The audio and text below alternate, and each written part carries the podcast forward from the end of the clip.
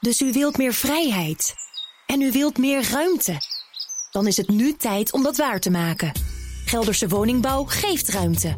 Gelderse Woningbouw bouwt woningen van hout. Meer weten? Ga naar geldersewoningbouw.nl. De Perestrooikast. Een blik op Oost-Europa.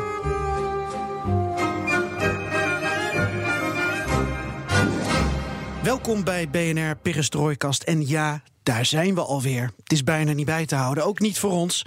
Deze week een extra uitzending en we noemen hem gewoon aflevering 7. En deze Perestrooikast staat in de teken van een reisserie op de Vaderlandse TV, dwars door het volgende land.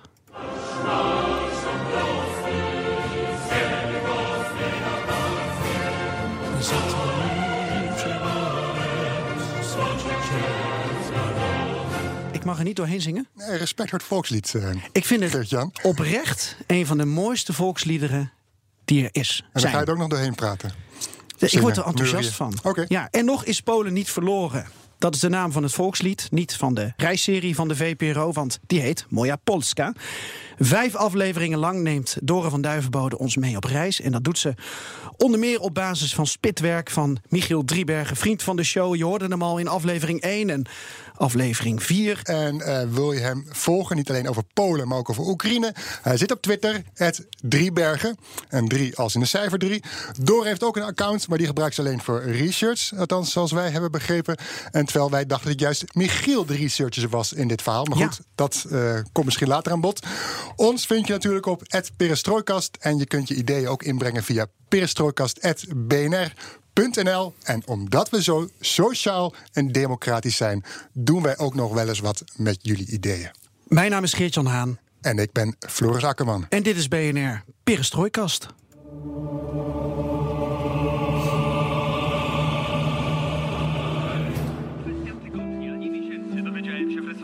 Mijn naam is Dorre. Ik ben half Pools. Toen ik geboren werd, viel de muur, verdwenen de grenzen en werd Europa omarmd. Het vrije Westen nestelde zich in de hoofden van de mensen. Nu lijkt het alsof het land zich terugtrekt. Polen is geloviger en nationalistischer dan ooit. Ik ben nieuwsgierig naar wat er is gebeurd en keer terug naar mijn moederland.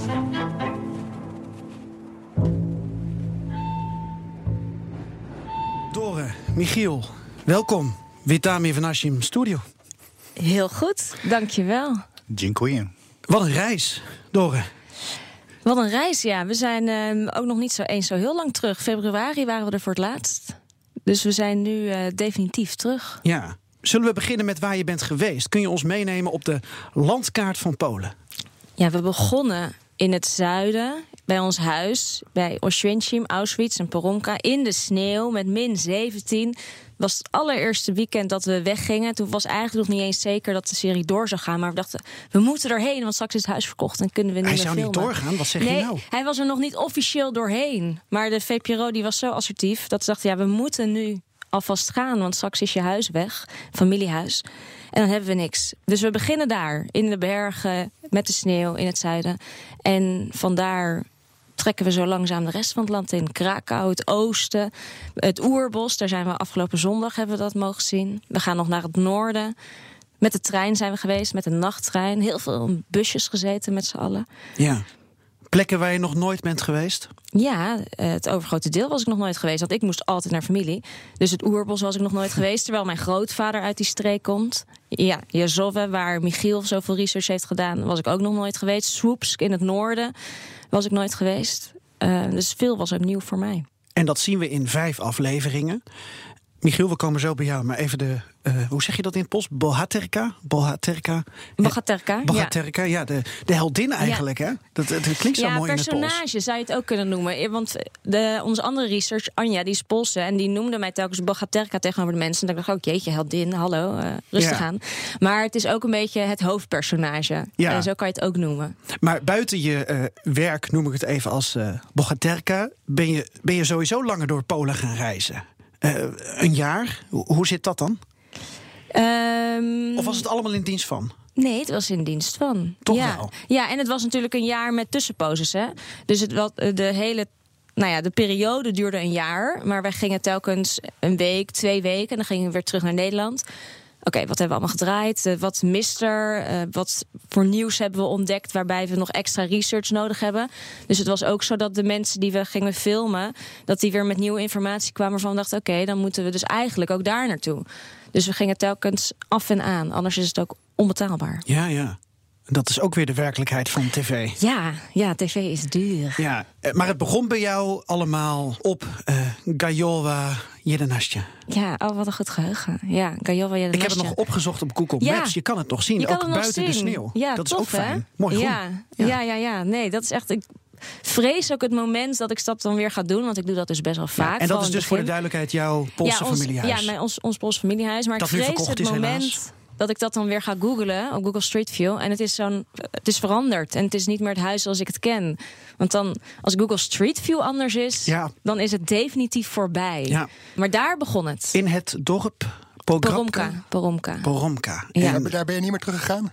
Daar zijn we nog. Nou, dat is een moment dat we dus niet gefilmd hebben. We zijn daar uh, teruggegaan met de crew ook. Want we dachten, we willen de buurvrouw nog volgen. We willen eigenlijk gedurende de serie. De buurvrouw waar je mee afscheid ja, nam op het laatst. Sorry. Ja, oh, arme die ons Anja, gras, ja, mij. die ons gras maaide. Ja. Echt uh, al jarenlang. En voor ons huis zorgde. Dus we dachten, hoe mooi na een heel emotioneel afscheid. om nog te kijken gedurende de serie hoe het met haar gaat. En wat zij ons nog meer kan vertellen. Dus toen zijn we teruggegaan met de crew. Maar toen kwamen we daar. En het ging eigenlijk niet zo goed met haar. Door nou ja, privéomstandigheden. Dus toen hebben we besloten, oké, okay, dit gaan we nu niet doen. Want dat Ja. voelt niet goed als iemand uh, nou ja, in deze staat is. Dus toen zijn we weer weggegaan. Want het is behalve een serie over Polen ook een, een persoonlijk verhaal van jou.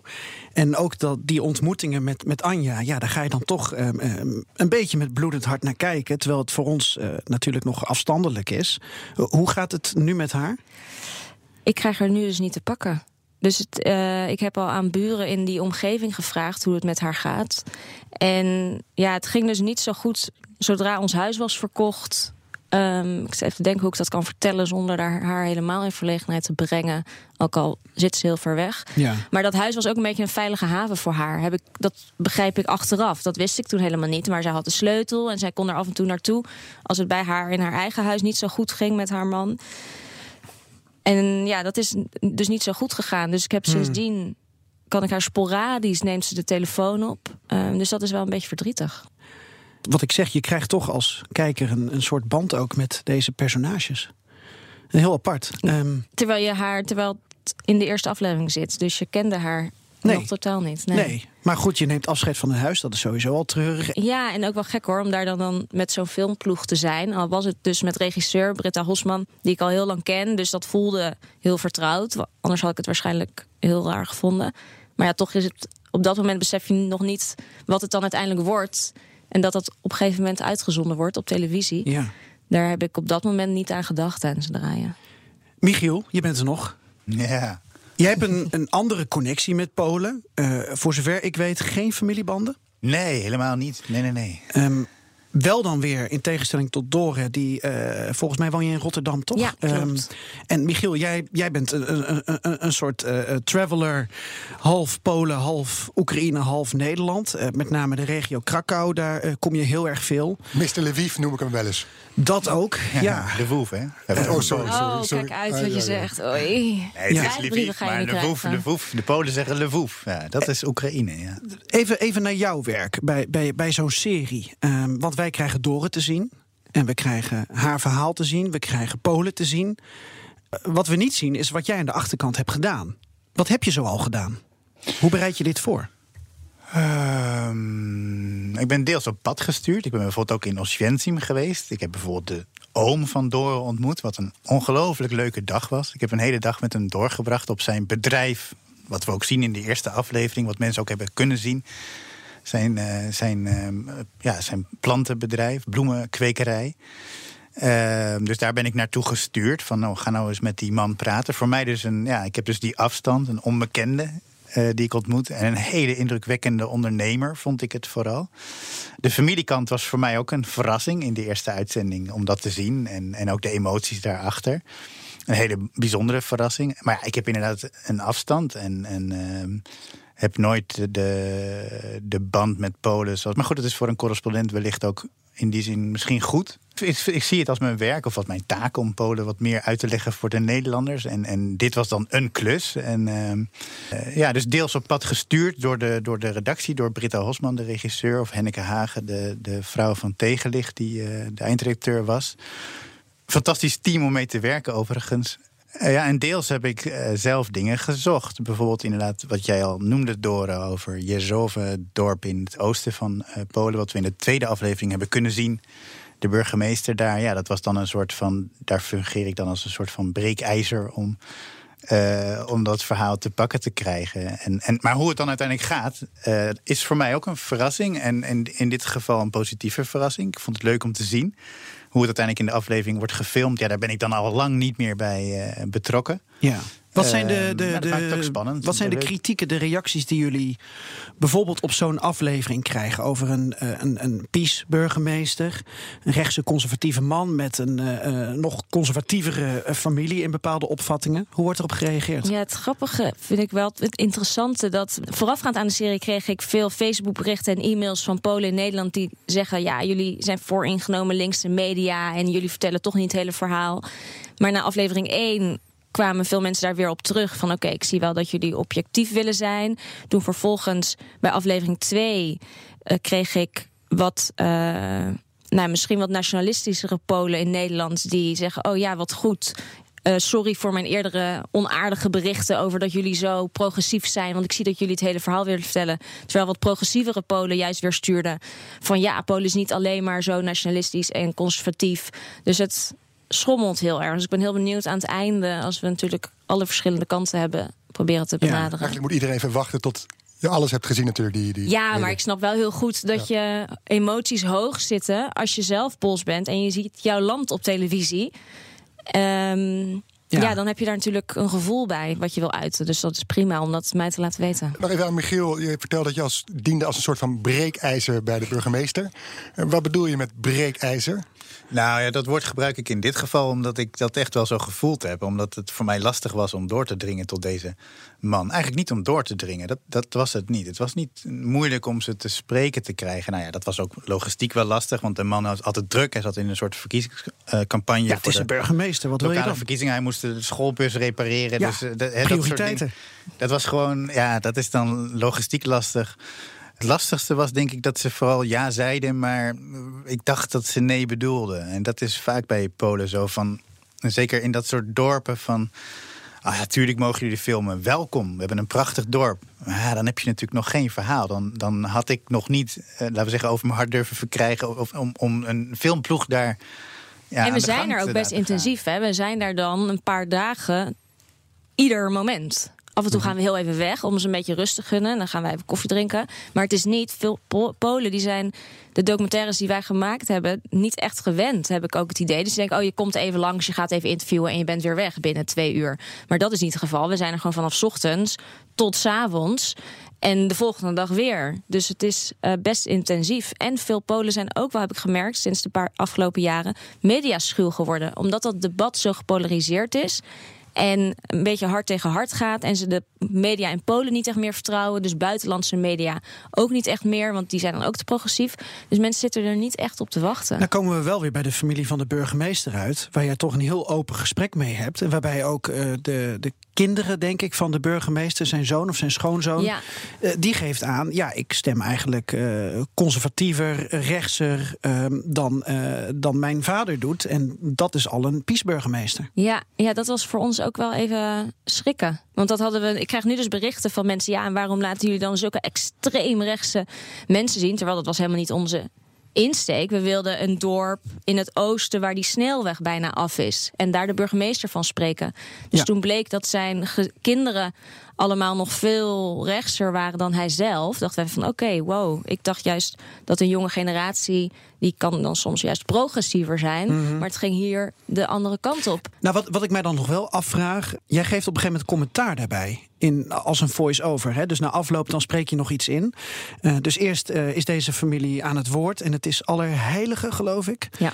Uh, dus dat is begin november dat je daar bent geweest. Zit allemaal gezellig bij elkaar. Jij geeft ook aan, ik voel een zekere sympathie voor deze familie. Maar dan zeg je ook... sommigen in dit gezin stemmen nog rechtser dan ik dacht, dan de burgemeester. En dat boezemt mij angst in. Vreemd. In alles lijkt deze familie op mijn familie. Er is veel eten. Iedereen is hartelijk en gastvrij. Ik voel mij hier thuis. Totdat het over politiek gaat. En blijkt dat de kinderen van de burgemeester nog rechtser zijn dan hij zelf. Ze doen mij denken aan de jongeren op het plein in Warschau. Zo vol van nationalistische gevoelens dat het me angst inboezemt.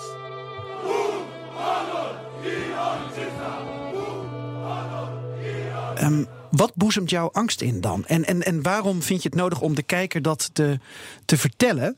Dat dat mij angst inboezemt, dat jij zelf in kunnen Nou, ik had zelf kunnen invullen dat eh, deze familie bepaalde opvattingen heeft. En ik vroeg me af, is het nodig om daar een waardeoordeel aan te geven? Want jij wil Polen laten zien zoals Mm. Ja. het is. Ja, kijk, dat boezemt mij angst in. Gaat voor mij op dat moment over dat toen ik daar zat, voelde ik voor het eerst zo sterk dat ik dacht: dit wordt heel moeilijk in de Europese Unie.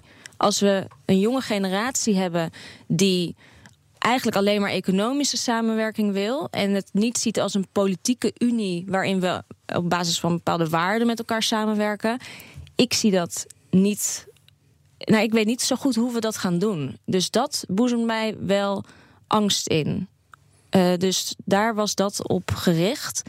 En als je het niet zegt, komt het ook over. Ja, waarschijnlijk wel. Maar ik denk, die voice-over is natuurlijk ook een beetje bedoeld... omdat we hebben niet nog, wat je vaak in series hebt... van die stand-upjes, dat je nog even in de camera zegt... van nou ja, ik, ik vind dit en we doen dat. Dus het is ook een beetje mijn verhaal om mijzelf nog ook erin terug te laten komen. Ik kan me wel voorstellen dat je daar dan weer reacties op krijgt. Van waarom, maar- waarom moet je nu weer het, eh, het Juist- linkse Hollandse... Maar juist dus van de andere kant, van de progressieve Polen, krijg ik daar reacties op. Van dat, het dus, dat we te veel de nadruk hebben gelegd op de conservatieve nationalistische Polen. En de wat nationalistischere Polen, die vonden het dus juist heel fijn dat we dit hebben laten zien. Ja, het was interessant. Die burgemeester was een, eigenlijk een hele, laten we zeggen, ultraconservatieve CDA. eh vergeleken met eh, ja, zijn kinderen en de, de jongere generatie die daar zat. Die, wat inderdaad een verrassing was tijdens het filmen. Want ik wist dat ook niet van tevoren. Ik had de burgemeester uitgebreid gesproken. Zeer gelovige man. En ook een hele lieve man, eigenlijk. Met hele conservatieve waarden. Hè. In, in, in Nederland zou zo iemand nog meer conservatief zijn dan de SGP, bij wijze van spreken. Ja. Eh, maar ja, de, de zoon gaat nog verder. Ja, ik kan me, ik kan me door het gevoel wel voorstellen. En hij was eigenlijk heel pragmatisch, want we gingen met hem praten. En toen zei hij, oh, eigenlijk begon hij een beetje, ja, PiS, weet je wel. Het is ook maar omdat het hier een populaire partij is. En dus we dachten eigenlijk van, oh, je bent misschien dus helemaal niet zo conservatief. Je bent PiS, om, puur omdat het populair is. Nu ben je bij PiS gegaan. Maar ja, eigenlijk was hij dus nog cons- ook conservatiever, zoals Ja. zijn kinderen. Ja, maar- en meer eh, een gevoel bij bewegingen, geloof ik. Hè? In plaats van partijen. Dus meer een gevoel bij een bepaalde richting. ja. Ja. We, we- we hebben een paar, een paar vragen van luisteraars ook. eh, wa- waaronder bijvoorbeeld van Maurice, die, die vraag sluit hier wel op aan. Ehm, bestaat er in Polen ook nog een liberaal geluid? Of is PiS tegenwoordig de gedoodverfde winnaar? Er bestaat zeker een liberaal geluid. Ga naar Warschau. Maar Warschau is een beetje het, New York van Polen. En natuurlijk op andere plekken ook nog wel. Maar ik heb, je hebt Wiasna nu, de partij van Biedron, de burgemeester uit Soepst, die openlijk homoseksueel is. Dat is een heel liberaal geluid.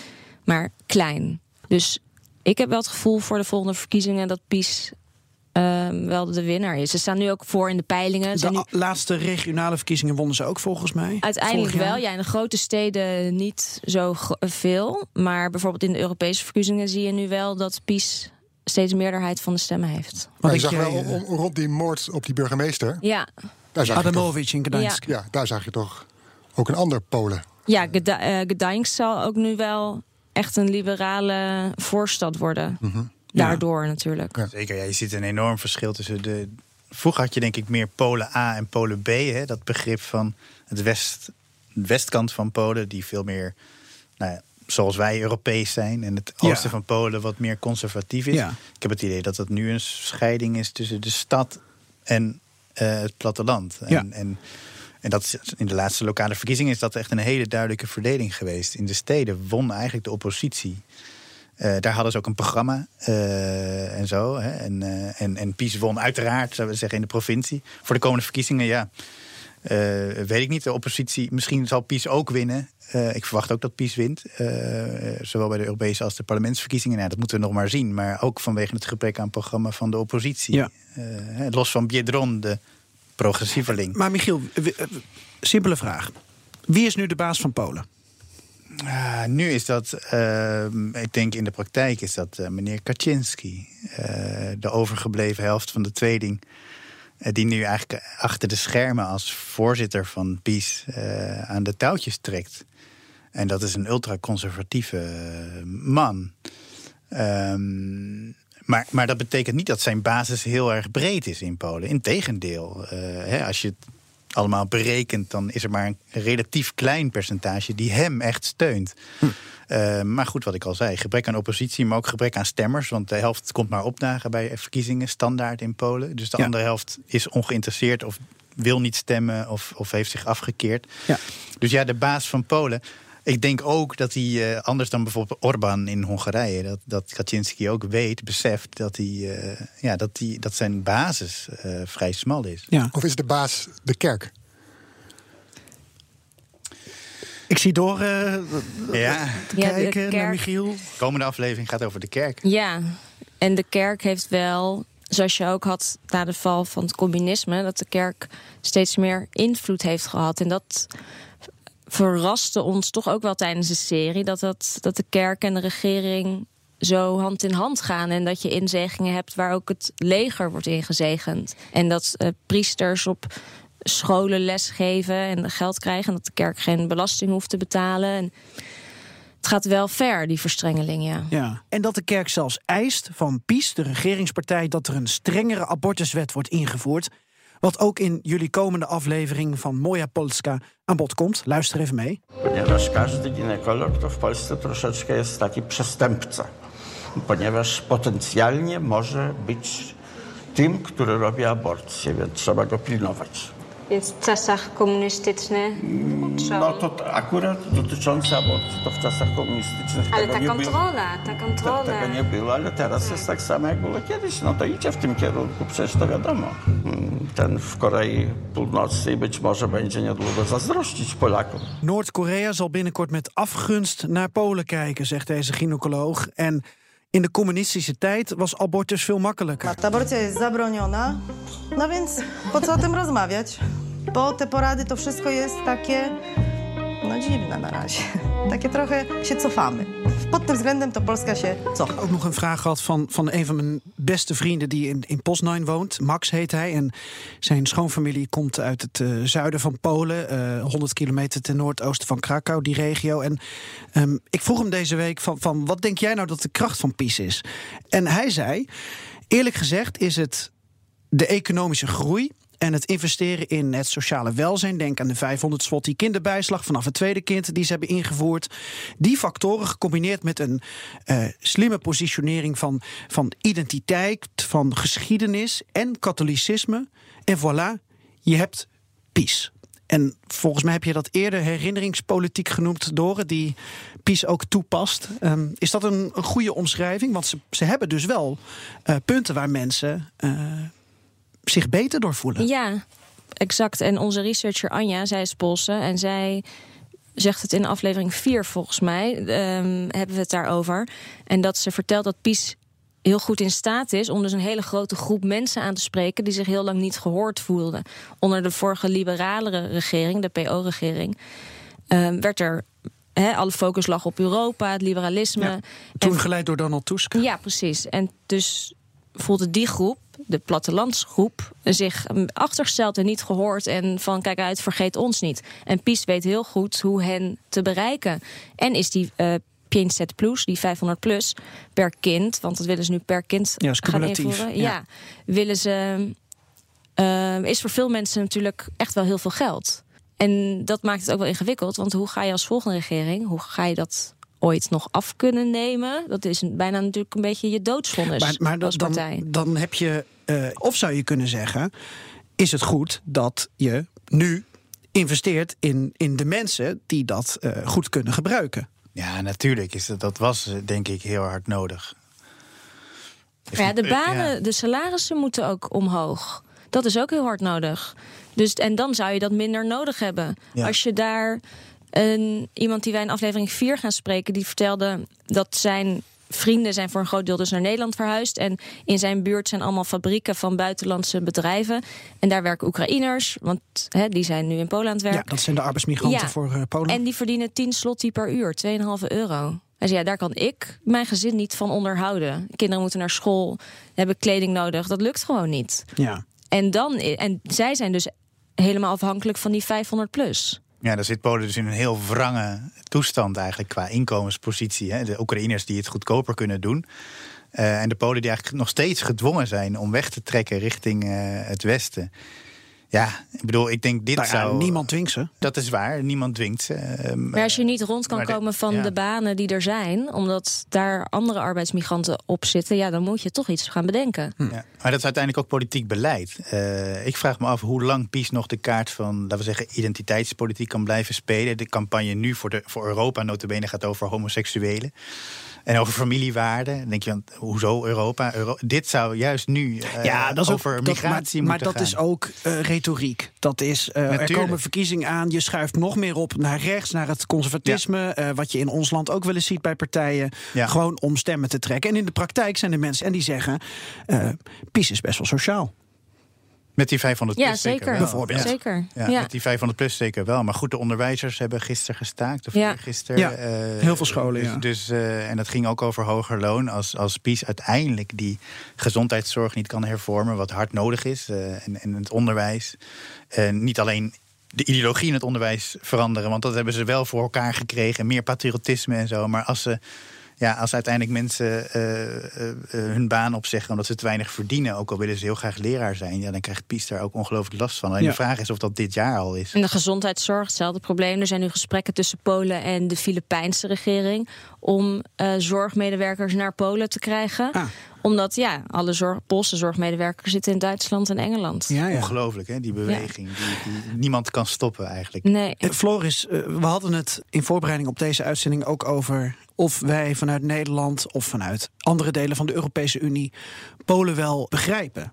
Ja, we zijn verbaasd of we schrikken ervan als, als die rechtsstaat onder druk staat, eh, rechters worden eh, ontslagen, eh, of als er eh, vrijheid van meningsuiting of vrijheid van pers, al dat soort dingen, dat, dat ultraconservatisme. Daar hebben wij ons te weinig verdiept in de geschiedenis, tradities en cultuur van Polen voordat we hebben gezegd van nou, word lid van de Europese Unie, dat we daardoor zo verbaasd zijn of verrast zijn.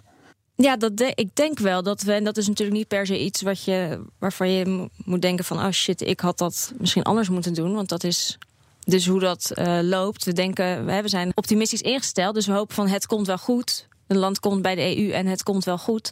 Zonder dat wij of in Polen zelf precies het idee hebben van wat dat dan betekent. En wat dat, ik denk dat Polen nu in een periode is dat het die identiteit nog aan het ontwikkelen is en aan het uitvinden is van wie zijn wij nou en wat willen we beschermen. En dat Polen dus 30 jaar in democratie is, wat gewoon hartstikke kort is. En dat veel mensen in Nederland zich dat niet realiseren. En voor- voor ons is die democratische traditie zo normaal, dat zit zo in onze vezels, terwijl dat in Polen niet het geval is. Ja. Hebben wij gedacht van ja, te makkelijk gedacht van deze landen worden net als wij? Als je ook naar- kijkt naar Hongarije. Ja, en wat, wat is dan het be- de bedoeling met net als wij? Hebben wij daar een pasklaar antwoord op? Maar waarom ben je dan zo kritisch in de serie? Ja, ik denk ook misschien omdat je. Omdat ik zelf eh, half Pools ben. En je natuurlijk het meest kritisch bent naar de mensen die het dichtst bij je staan. Je bekritiseert Omdat- wat je het meest lief hebt. Ja, eh, daar ben ik in ieder geval hier ook heel goed in. Dat je eh, de hoogste kritiek kan hebben naar je naaste. Maar omdat je natuurlijk ook zoveel van de plek houdt. En wilt dat het goed gaat. En eh, dat je het niet uit je vingers wil laten glippen. Dus ik denk dat het daar ook mee te maken heeft. Is het ook eh, nostalgie, Michiel? Hoe bedoel je? Nou, Nostalgie? Dat wat nu gebeurt in Polen eh, met eh peace, met eh, conservatisme, dat het ook iets is van het is allemaal zo snel gegaan. We moeten ook weer even terug naar wat we vroeger voelden. Ja, bij ons in de vraag zit al ingebakken dat we denken dat de wereld altijd maar progressief is, vooruit gaat, de, de traditionele waarden zal verliezen. ehm, het eigenheid als land zal verliezen. En ja, ik denk dat er heel veel Polen zijn die er helemaal niet van plan zijn. Die willen gewoon Polen zijn. Eindelijk een keer. Uh, dat, dat voel je dus heel erg in dat dorp Jezoven met die burgemeester. Ja, want dat is een misschien... gelovige man en die wil gewoon een gelovig land. Ja, Ja. Dat is voor ons is dat, is dat niet voor te stellen. Want, want jij hebt deze week ook eh, op de UvA een college nog gegeven. Een Oost-Europa-college waar een serie nu van is. En onder meer heb je het gehad over de Poolse deling. Polen is ruim 100 jaar van de kaart geveegd. Was niks. ja. En als je daaraan terugdenkt, dan kan ik me heel goed voorstellen waarom nu dat patriotisme, dat nationalisme hoogtij viert. Ja, willekeurig welke Pool. Of je nou eh Doris spreekt, of Doris familieleden spreekt, of willekeurig welke andere Pool. Je hebt een verhaal over verdwenen gebieden, over verschoven grenzen, over ouders of, of grootouders, dus niet eens zo ver weg, die zijn verplaatst, genoodgedwongen. Eh, die hebben geleefd onder eh, verschillende regimes. Eh, nou ja, dat, dat, is, dat is iets wat, wat in Nederland helemaal niet het geval Nee. is. Het is wel goed dat je die Poolse delingen aankaart. Toen Polen dus 123 jaar niet bestond. Want wat is nou belangrijk als je dus geen landsgrenzen hebt en dus officieel niet bestaat? Dan is juist dat gevoel wat in je hart zit en wat moeilijk dus dan te uiten is, dat is heel belangrijk. Literatuur is dan heel belangrijk, want hoe hou je die mensen toch nog samen? Dus ik geloof wel dat via eh, geschiedenis ook in die tijd een soort voedingsbodem is gelegd voor iets wat nog steeds eh, gaande is. Ja, Ja. Taal en, en, en het katholieke geloof hebben Polen levend gehouden. Ja. In die 123 jaar. Vergeet ook niet dat de Polen, en daar worden we ook wel weer op gewezen op Twitter eh, in verband met de serie. Dat Polen daarvoor wel echt heel erg lang, honderden jaren lang, een heel groot rijk was. Opgerukt tot aan Moskou. Ja, ja, ja, Floris. Groot ja, Polen. nou, Zeker. nou, En, en ja. een deel van Oekraïne erbij. En van zee tot zee. eh, zeker, ja. En, en, en, en die, die grootsheid van de geschiedenis speelt een rol. Eh, maar zeker ook de dramatiek van de laatste eeuw. En, en, de, en eh, het meevechten in de Tweede Wereldoorlog. Maar daarna ook daar niet voor erkend worden, Ja. et cetera. Dat is allemaal... eh, eh, dat zit allemaal veel dieper dan, eh, dan wij ons realiseren, denk ik. En dat botst dan met de bemoeienis vanuit Brussel. Bijvoorbeeld bij een oerbos. Ja, dat denk ik wel. Ja, en dat kan ik me ook wel goed voorstellen. Dat je denkt van ja, wij doen dit al eeuwen zo en wij weten wat goed is eh, voor onze plek hier. Jullie weten dat wat voor wat goed is in Nederland. Sterker nog, daar hebben jullie ervoor voor gekozen om heel veel te kappen. Dus laat ons dit zelf bepalen en bemoei je er niet mee. Ja. En ik denk niet dat toen Polen lid werd van de Europese Unie in 2004 dat iedereen zich toen realiseerde dat er dus dit soort reacties kunnen komen voor je eigen grondgebied. Ja. Langzaamaan moeten we proberen naar een soort van conclusie toe te werken. Al heb ik geen idee wat die conclusie zal worden. Eh, misschien maar gewoon alle vijfde afleveringen van jullie kijken. Qua luistervragen komen misschien dan in de buurt. Want eh, Robert van Rijn die heeft een eh, audiobericht eh, ingestuurd. Robert van Rijn is eigenlijk Robert Christophe van Rijn. Wethouder in Aalsmeer. Heeft net als eh, jij door een Poolse moeder. En hij zegt het volgende. Tevens als kind van Pools-Nederlandse ouders, evenals hoofdrolspeelster Dora, heb ik met belangstelling de indrukken en beelden die de twee afleveringen over een Pool in ontwikkeling geven gevolgd. En dan vraag ik me af, wat jullie het meest opgevallen of heeft verbaasd op deze reis in zowel positieve als negatieve zin over de toekomst van Moja Polska, mijn Polen? slecht nieuws altijd eerst. Het negatieve zien was wel een beetje de shock af en toe dat je voelt van oké, hoe gaan we dit doen met de Europese Unie als we zo diametraal tegenover elkaar staan? En ja, daar hoef je ook niet meteen een antwoord op te hebben. Want zoals we eerder al zeiden, Polen bestaat 30 jaar en misschien is dit onderdeel van de ontwikkeling. Ik vind het bijzonder wa- wat voor metagevoel jij hebt. Hoe bedoel je? Nou, gelijk Europese Unie. Ik zou zeggen, jij, jij bent verbaasd over, eh, eh, nou, weet ik veel, de wegen die zijn veranderd of zo. Ja, of, maar eh, ja, de wegen die zijn veranderd. Dat is niet iets wat ik in die serie heb ontdekt. Nee, ik ben, ga ieder jaar een paar keer per jaar naar Polen. En dan zag ik elke keer weer inderdaad een weg is veranderd. Je wordt niet overreden, want er is een stoep Je komt aangelegd door juist de in Europese met de mensen. Ja, precies. Ja, ja, ja. Dus ehm, daar ben ik, ben ik dan niet verbaasd over. Want voor mij is het niet ineens een shock van... oh, 30 jaar later, wow, wat is het land veranderd. Nee. Dat heb ik... Nee, maar je bent bij mensen over de vloer gekomen en, en daar is een bepaalde verbazing. Ja, uit ja, ja, ja. En in positieve zin verbaas ik me toch altijd ook wel weer voor de soort weerbaarheid van de Polen. En die tegen de klippen op altijd toch maar weer doorgaan. En zich zo voor hun land ook kunnen inzetten. dat vind ik wel heel mooi en leerzaam ook om te zien. Michiel? Nou, ik ben het met Dore eens dat uh, de, de, de zoon van de burgemeester... die uh, nog conservatiever, nog nationalistischer is als zijn vader. De, uh, hoe gaan we samenleven in Europa? De, de, de, echte radicale nationalistische groeperingen die we ook in de aflevering 1 hebben gezien, die zijn relatief klein. Uh, ze hebben wel invloed, maar zijn relatief klein. Maar dit soort jongens, die zijn er massa's. En daar zit de energie in Polen uh, momenteel in elk geval. Ik weet niet hoe dat over vijf jaar is, heel lastig te voorspellen. Maar daar zit de energie in om. En dat zie je natuurlijk in meer landen, in, elk, in de Europese Unie wel. en ook in buurlanden zoals Oekraïne. Uh, dus dat is voor mij ook een vraag. En ja, wat, wat, wat mooi is, denk ik, in Polen is. Uh, het is heel lastig, en dat weet ik uit eigen ervaring, om een drempel over te komen. Maar als je daarover bent, dan heb je ook. Ja, dan zijn het zulke ongelooflijk lieve en hartelijke mensen vaak. Uh, zeker die burgemeester. Kreeg één kerstkaart dit jaar. Dat is heel treurig. Maar dat was van deze burgemeester. Vorige keer Komt er eentje van ons, uh, reken er maar op. Ja, Geen zorgen. Fijn dat je één Dank vriend wel, hebt, kameraden. uh, Michiel. um, maar nog even over het antwoord op die... Uh, hoe elke keer als ik hem probeer af te ronden... Oh, omdat ik denk van we gaan weer een veel te lange Sorry, podcast sorry, maken... sorry. en dan krijg ik van jou weer op mijn kop... en dan kom jij er weer tussendoor. Hoe je dat toch uh, moet verenigen. Hoe moet je daar toch mee omgaan als... als Europese Unie.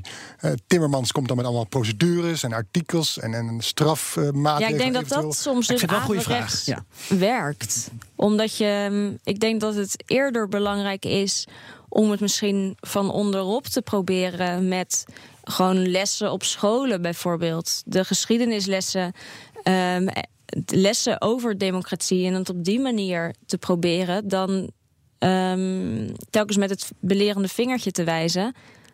Want dan krijg je alleen maar een soort aversie tegenover de Europese Unie. Terwijl ik ook wel de moeilijkheid snap, want je moet wel een standpunt innemen. Want daardoor wordt er nu niet meer gekapt, omdat er gedreigd werd met een boete. Dus dat is dan ook wel weer zo. Dus het is een beetje een gevecht dat over en weer gaat. Waar we ook gewoon uit moeten komen. Want we zitten met z'n allen in de EU. Dus we moeten. Ik hoop wel dat we het gevoel hebben dat we het samen doen. Als Nederland en Polen. Dus dat we samen er iets van proberen te maken. Want als Polen eruit gaat, dan zijn ook wij nog verder van huis. Maar Polen gaat er niet uit. Nee, nee, nee. Maar als wij het te ver pushen, of Polen met Hongarije een beetje proberen weg te zetten, dat maakt het er voor de Europese Unie niet beter op. Ja, we zullen in gesprek moeten blijven. Dore, zou je in Polen kunnen wonen? In Warschau. In Warschau. In New York dus. Ja, in het New York York van. Polen zou ik goed kunnen wonen. Ja. Ja. Met, met die wolkenkrabbers van Stalin. Ja. Er zijn er Ehm, meerdere, toch? Er zijn best wel wat inmiddels. Ja, Ja, zeker. gaat door, ja, ja, ja, ja. Ja. Nee. Sorry, sorry. Ehm, ga je in Polen niks meer te wonen? zeggen. Nee, ik denk niet. Ik ga wel door Polen reizen. Ehm, voor een volgproject ben ik daarover na aan het denken. Maar ik ga er niet definitief wonen. Want ik merk ook wel aan vrienden die ik heb in Warschau dat het gewoon ontzettend moeilijk is. Vooral als je in een soort journalistieke hoek, creatieve sector zit. Dan is het gewoon heel moeilijk om gedaan te krijgen wat je voor ogen hebt. Dus het kan wel als je al je werk in Nederland behoudt. Maar dan heb je natuurlijk een beetje een luxe positie. Maar dat, eh, zou- dan zou het kunnen. Laatste luistervraag. Komt er een vervolg op deze serie? Oeh. Nou, daar hebben we het nog niet over gehad. We hebben in ieder geval in oktober, november zijn er verkiezingen in Polen. Dus misschien dat we tegen die tijd nog wat gaan doen. Maar we, ik weet in ieder geval dat in Europa, die is, daar komt. Ik weet eigenlijk niet of ik dat mag zeggen. Jawel, dat mag. Ja, nee. Ja. Want daar heb ik ook niks mee te maken. Nee, dus dat zeg ik nu niet. Van Geert Mak. ja, sorry. Oké. Weten genoeg. Stel, maar stel, er komt een vervolg. Vragen jullie allebei, slotvraag. Ehm, welke verhalen zou je nog graag willen maken? Nou, ik zou echt nog heel veel verhalen graag willen maken. Ik zou wel graag bijvoorbeeld, nou ja, over de zorg waar we het net over hadden. Ben ik wel benieuwd naar hoe je dat dan doet als er allemaal arbeidsmigranten uit andere landen in Polen gaan werken. Ik zou, de Warschau heeft een fantastische clubcultuur. Veel arbeidsmigranten die in Warschau wonen, daar zou ik wel wat over willen maken. Dus er is nog wel veel te vertellen. Michiel? Hmm, als het voor de Nederlandse eh, markt is, hè, eh, vanzelfsprekend, dat is het, zou ik zeggen, we moeten in Nederland denk ik meer weten over de geschiedenis. Dus niet alleen over de geschiedenis van de laatste honderd jaar. Ik denk dat er best veel aandacht is over de opstand van Warschau, et cetera. Maar bijvoorbeeld ook over de honderden, honderden jaren daarvoor dan zelfs. Daar valt denk ik ook op televisie over te maken. Oh, prachtig, Ja. prachtig. Maar ik bedoel, hè, eh, jonge democratie, absoluut waar. Dan hebben we het over de laatste honderd jaar. Maar daarvoor was Polen, de Sejm is al honderden jaren oud. Dus er is ook een notie, denk ik, bij veel Polen van... Goh, dat weten jullie niet. En dat moeten jullie eigenlijk wel weten in het Westen. Dus ik zou iets met geschiedenis willen doen. Ja. Ja. En toch als slotvraag de toekomst. Want je wierp hem net zelf al op. eh, geen idee wat eh, Polen over vijf jaar is. Dore, weet jij het? Poeh. Wat Polen over vijf jaar is. In de EU? Ja, zeker. Ja. Liberaler, progressiever. Ik denk uiteindelijk wel. Want uiteindelijk, volgens mij gaat het een beetje ja, hè, kleine stapjes. Af en toe een stap terug en dan weer een stap naar voren. Ik denk uiteindelijk wel liberaal progressiever. Maar langzaam aan. Heb je dan een huis in Polen? Een nieuw huis? Nee. Nou. Nee, nee, nee. We bellen over vijf jaar. Ja. Dank jullie wel eh, dat jullie er wilden zijn. En eh, we gaan jullie blijven spreken en blijven volgen. En wie weet wel rond de verkiezingen, want er komen boeiende tijden aan. Michiel Driebergen, onze eigen vriend van de show, onze Midden-Europa-watcher in goede en slechte tijden, dank je wel. En Dore van Duivenpode, dank je wel voor de serie die je gemaakt hebt en dat je hier wilde zijn om erover te vertellen. En veel succes met al je verdere plannen met Polen. Dank je. Dank jullie. En da- dank je wel, Floris. ja, je was een beetje stil deze aflevering. Ja, dat, je moet dus gasten ook hun de ruimte geven om te spreken. Ja, vond je dat ik te, te veel aanwezig was dan? Oké. Via welke media kun je ons Oh, beluisteren ook alweer? oh, dat mag ik dus wel Ja, ik heb zeggen? daar geen tekst voor opgeschreven, maar dat kan je uit je hoofd, toch? eh, Iets met Twitter, het Perestrooikast. En eh, e-mail natuurlijk ook, perestrooikast.bnr.nl. En te beluisteren via Spotify, iTunes, bnr.nl of via de BNR-app en alle andere podcastkanalen. Dovizenia, hè? Tot widzenia. Ja, naar Rage. Tot straks. Naar Rage. Ja. Ja. Oké, dat kan ook. Ajeto.